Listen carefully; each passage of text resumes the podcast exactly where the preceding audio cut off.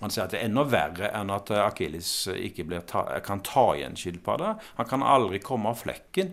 Han kan aldri begynne å løpe, sier han.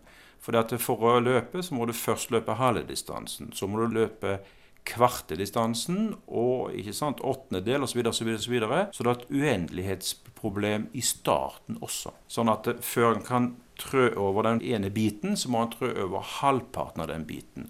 Og den biten i begynnelsen er også uendelig oppdelbar. Ja, og med det så ønsker jeg deg uendelig mange ganger velkommen til X-Fill-losen. Din venn og los gjennom X-Fill-pensum. I dagens sending snakker vi om førsokratikeren Zenon og to av hans berømte paradoks. Er bevegelse og forandring en logisk umulighet? Og hvis det er det, hva så? Mitt navn det er Håkon, jeg er kapteinen på skuta, og med meg på laget så har jeg X-Fyll-los Mikael. Og han, han har allerede sittet og grubla litt for seg sjøl. Hva driver du med akkurat nå? Uansett kan du bare gi opp. For Zenon har nemlig bevist at all bevegelse og forandring i det hele tatt er umulig. Universet er helt statisk, viser det seg. Ja, så feil kan man ta. Her tenkte jeg at jeg skulle fullføre denne introduksjonen av naturfilosofen Zenon, men nå innser jeg at når jeg har kommet halvveis til slutten, så må jeg komme halvveis fra halvveispunktet til slutten, og når jeg har kommet dit, må jeg komme halvveis fra det punktet til slutten, og så videre og så videre. Dette kan bli en lang introduksjon. Men det gjør ikke så mye. For da rekker jeg å nevne at Zenon har konstruert flere lignende argumenter som har som formål å vise at det er absurd å snakke om bevegelse. Hva er det som får noen til å tro at det i det hele tatt er mulig å bevise at bevegelse er umulig? Vel, Zenon var en av de aller første filosofene kalt førsokratikerne, fordi de stort sett levde før Sokrates. Disse filosofene fikk for seg at dersom et argument var godt nok, så måtte sansene vike. Man kan kanskje si at de oppdaget eller oppfant et ganske heftig skille mellom hvordan ting virker, og hvordan ting virkelig er. Det bare virker som om du hører på en podkast akkurat nå og sitter og nikker anerkjennende fordi du er enig i de kloke betraktningene jeg gjør over scenen og filosofiens begynnelse. Nikking er absurd, egentlig. Men det er like absurd å slutte å nikke. Og ikke engang prøv å riste oppgitt på hodet. Ja, velkommen til deg, Mikael Amundsen. Jo, takk skal du ha. Du, X-Fillos, hva i alle dager? Jeg blir litt forvirra her nå. Ja. Eh, hvordan kom vi oss hit, egentlig? Nei, Jeg veit ikke. Jeg skjønner ikke hvordan jeg begynte å komme meg hit. Og jeg skjønner ikke hvordan reisen slutta. Jeg skjønner ingenting. Det, det er jo nesten utenkelig, så å si. Og hvorfor hører vi ikke fortsatt på denne introduksjonen? Skulle ikke den være uendelig lang? Ja, Eller gjør vi kanskje det? Jeg vet ikke. Jeg altså, skjønner altså, ikke. Eh, det er veldig spennende, de her Zenons paradokser. Og jeg tok meg en tur opp på eh, irrgangene ved X-Fill-senteret her en dag. Og eh, tok en prat med professor Lars Johan Materstvedt, som jo også er X-Fill-guru, om man kan kalle han det. Mm. Eh, la oss bare høre hva han sa, og så kan vi se om vi blir litt eh, klokere av det. De første filosofene er jo nettopp opptatt av dette. Hva kan tanken forstå av universet? Tanken kan forstå universet, men hvordan er det mulig? Så det er ulike oppfatninger av det.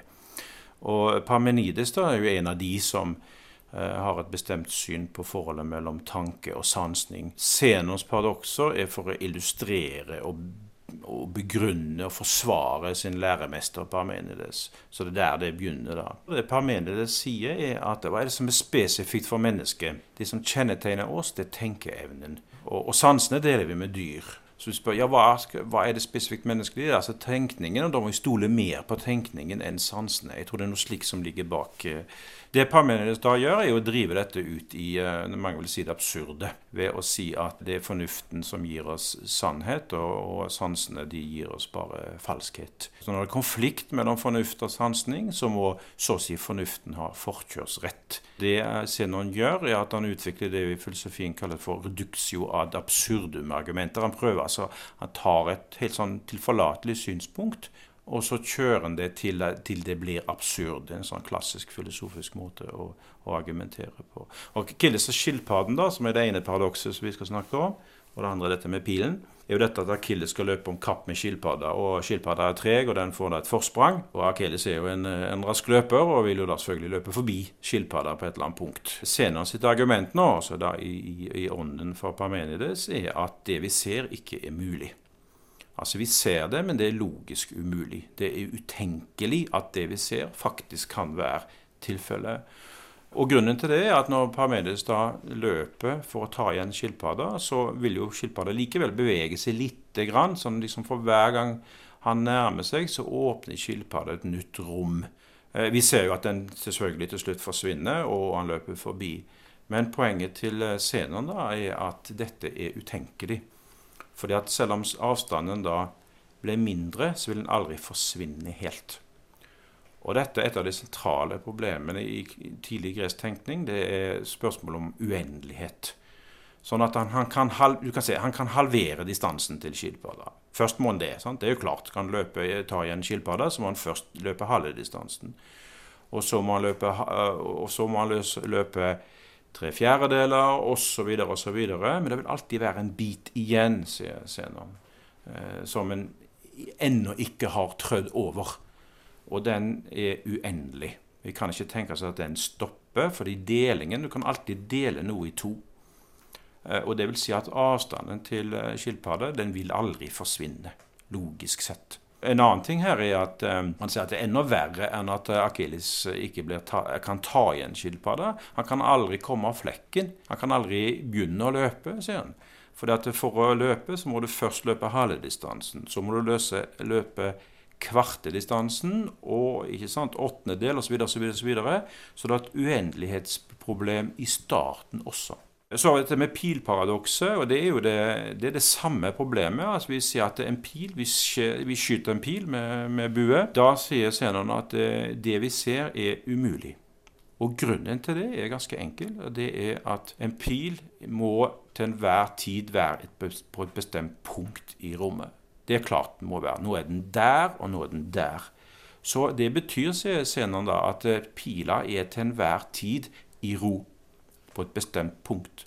Samtidig flyr den gjennom lufta, og det er en selvmotsigelse. Så en pil kan ikke både da være på et bestemt punkt og bevege seg samtidig.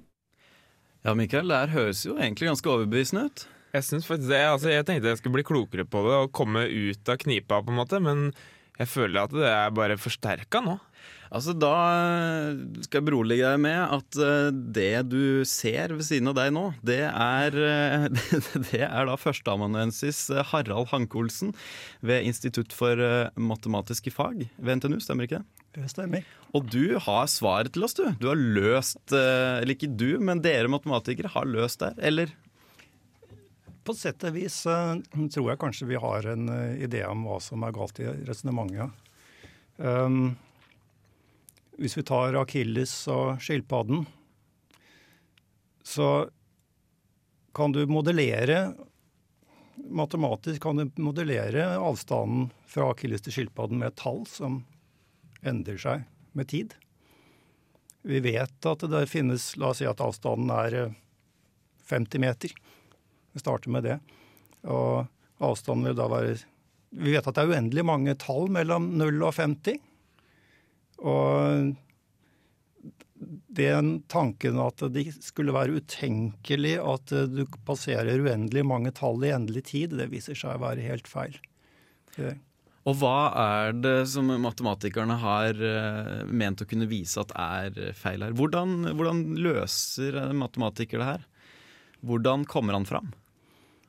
Um, på en måte kan du si vi simpelthen stiller opp denne modellen. Du trenger ikke bruke de reelle tall engang, du kan bruke de rasjonale tall. Det er uendelig mange rasjonale tall mellom 0 og 50. Og, og hvis, du, hvis, du, løper med en konstant hastighet, vel, så, så passerer du uendelig mange rasjonale tall, rasjonale tall langs tallinjen i ethvert tidspunkt. Eller ikke ethvert tidspunkt, men ethvert tidsintervall.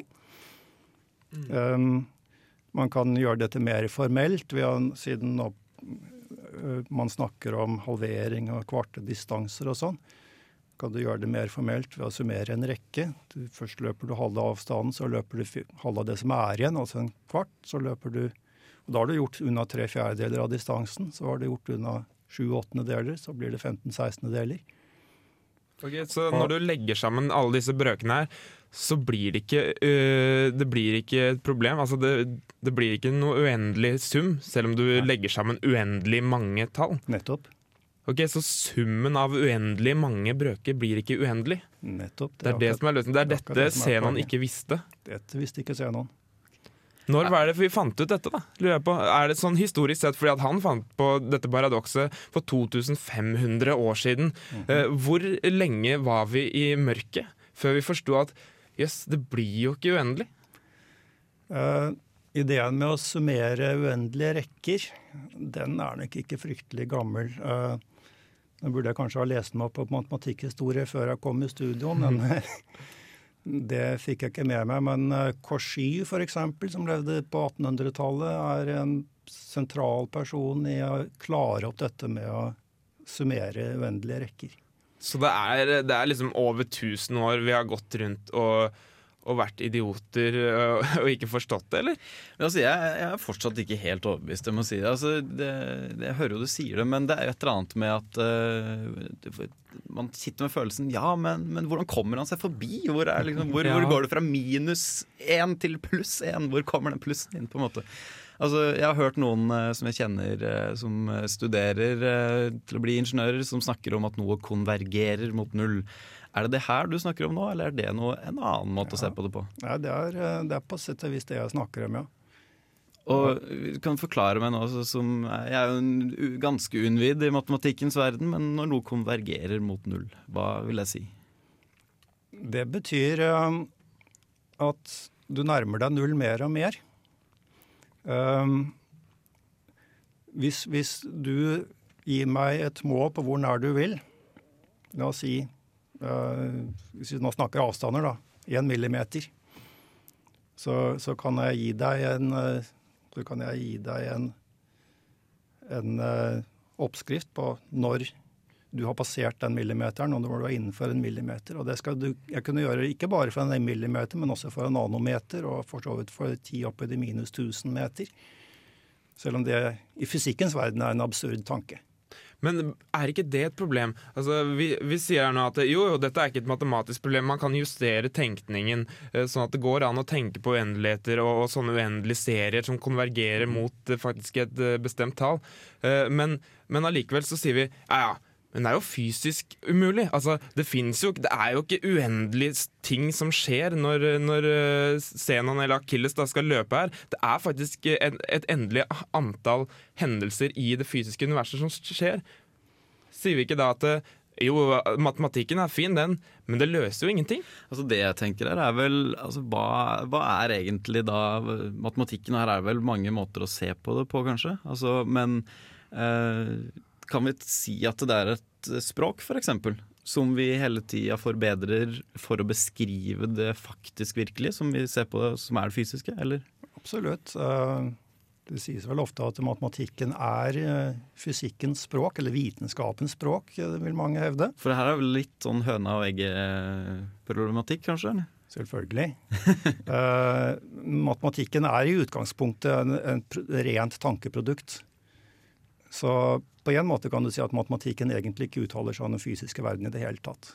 Men sånn sett så er, jo egentlig, så er det jo i matematikkens språk at Zenon må bli svart. Fordi som vi hørte tidligere her, hvor Matersvedt bl.a. og du Mikael nevnte at det som var essensielt med de her førsokratiske tenkerne, var jo det her skarpe skillet mellom eh, det menneskelig tenkte og det vi sanser. Ja, nettopp. Altså det, det de vil, det er jo si det virkelige i ordet, altså logos. Dere har sikkert hørt uh, fra mytos til logos. Og, og vår tids logos, det er matematikkens språk. At det er liksom det høyeste nivået vi har kommet i, i et presist språk som skal beskrive virkeligheten. Sånn at uh, når når han brukte sitt språk, så var det et språk som førte til absurditeter, men så har vi justert på det, og nå har vi en, liksom, en bedre logos. Og nå kan vi utsi virkeligheten på en annen måte. Med matematikkens moderne matematikk, da. Nettopp. Altså det, det, det som jeg vil si matematikken i hvert fall fastslår med, med absolutt sikkerhet, det er at det er ikke en logisk, absurd tanke at uendelig mange ting kan skje på endelig tid. Mm. Det, det er jeg helt sikker på. Men hvor, i hvor stor, stor grad det kan overføres på, på den fysiske verden, det kan man alltids diskutere. Ja. Det, det er klart at menneskenes sanser kan ikke oppfatte uendelig mange ting på endelig tid. Tvert imot. Vi, det viser seg faktisk at vi oppfatter mye mindre enn det vi selv forestiller oss at vi oppfatter. Men da har jeg et spørsmål, fordi i fysikken så anvender man matematikken. Og blir det ikke sånn at eh, Når du sier at jo, vi kan eh, modellere denne bevegelsen som en linje, altså en uendelig serie som du kan dele opp hvor du vil, og dele opp i så mindre biter du vil. Eh, Hvis vi sier at nei, men det gir matematisk mening, men ikke fysisk mening, kan vi ikke da si at dette er en feil modell? At eh, vi burde hatt en annen modell som faktisk stemmer mer overens over enten vår intuisjon om hvordan det fysiske universet er, eller overens med erfaringen? Ja, kanskje. Eh, Hvis du skal ha en riktigere modell uh, som fungerer på disse ekstremt korte tidspunktene og små distanser, så slipper du ikke unna kvantemekanikken. Ok, Så vi må såpass inn i veldig avansert, moderne fysikk for å, for å løse paradokset ordentlig, tror du det? På en måte vil jeg nesten si det, ja. Fordi altså hvis du, du, Hvordan skal du tenke deg, hvordan skal du si at du nå har Akilles ti 10 opphøyd i minus 100 meter igjen til skilpadda? uh, på en sånn distanse, det, det er et meningsløst eh, utsagn i det hele tatt. fordi nå må du begynne å se på elementærpartiklene som Arkimedes og skilpadda har satt sammen, og så må du prøve å observere hvor er alle disse elementærpartiklene. og det er Å observere elementærpartikler på sånn presisjonsnivå, det er prinsipielt umulig ifølge kvantemekanikken. Oh, ja. Og jeg tenker, altså jeg tenker litt i retning av eh, jeg kjenner, altså det jeg kjenner til fra dataverden og med pikseloppløsning på en skjerm. Altså hvor man, Hvis man snakker om et uendelig antall punkter på en linje, f.eks. i, i ti, altså pileargumenter, da, hvor pila er på et gitt punkt, eh, på altså et tidspunkt eh, til enhver tid da, underveis i denne reisa. Og der, her er det jo flere som har kritisert eh, det her argumentet for at hvis du snakker om eh, tidspunkter på en linje, sånn som fysikken eller Einstein f.eks., som snakker om romtid, at eh, fysikken ikke snakker om tid i det hele tatt, men at man må mangler noe for å beskrive den her eh, menneskelige opplevde tiden, hvor det er essensielt at, eh, at man husker at noe har vært, og vet at man er i kraft av at man både har vært og kommer til å være. Og den her bevisstheten, at det er noe der som igjen lager det her kontinuiteten i en bevegelse, på en måte. da. Så da, da er man inne på at det kanskje ikke fins en matematisk modell, eller man kan ikke bruke matematisk språk for å beskrive ø, opplevelsen av tid, eller? Ja, noen vil jo hevde det. Eh, altså det her at det er et problem og eh, som en eh, fransk filosof rundt 1900-tallet som het Bergson eh, snakker på. Eh, litt utenfor X-Vil-pensum, det må jeg understreke. Men eh, nevnte i hvert fall det her med at han mente at man med en tilsnikelse bringer rommet inn i tiden når man snakker om sånne tidspunkter på en linje og tenker tiden som en linje.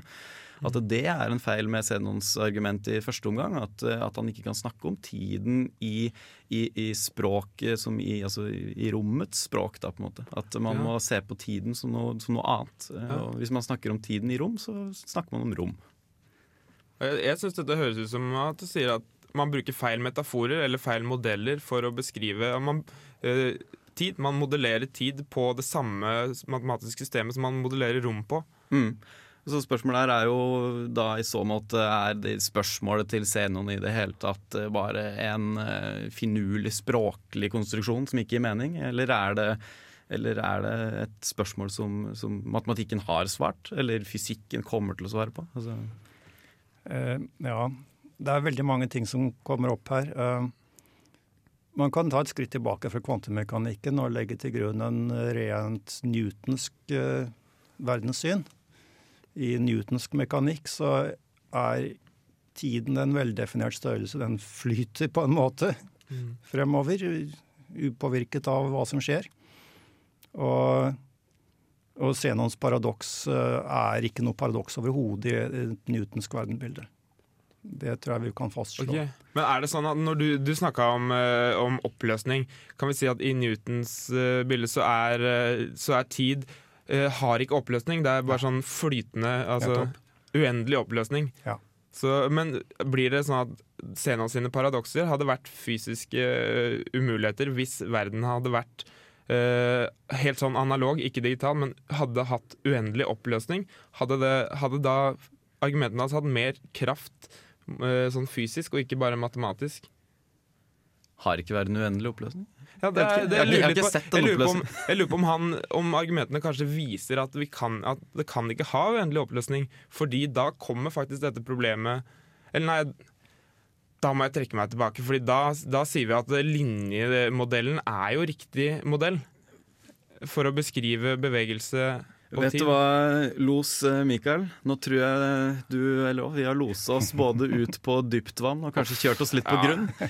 Og da tror jeg det kanskje er på tide at vi runder av med å trekke på oss vadestøvla og hoppe ut i revet for å dytte båten av grunne. Ja, Det var veldig god metafor. Det var en god modell du brukte til å beskrive hva vi skal gjøre nå.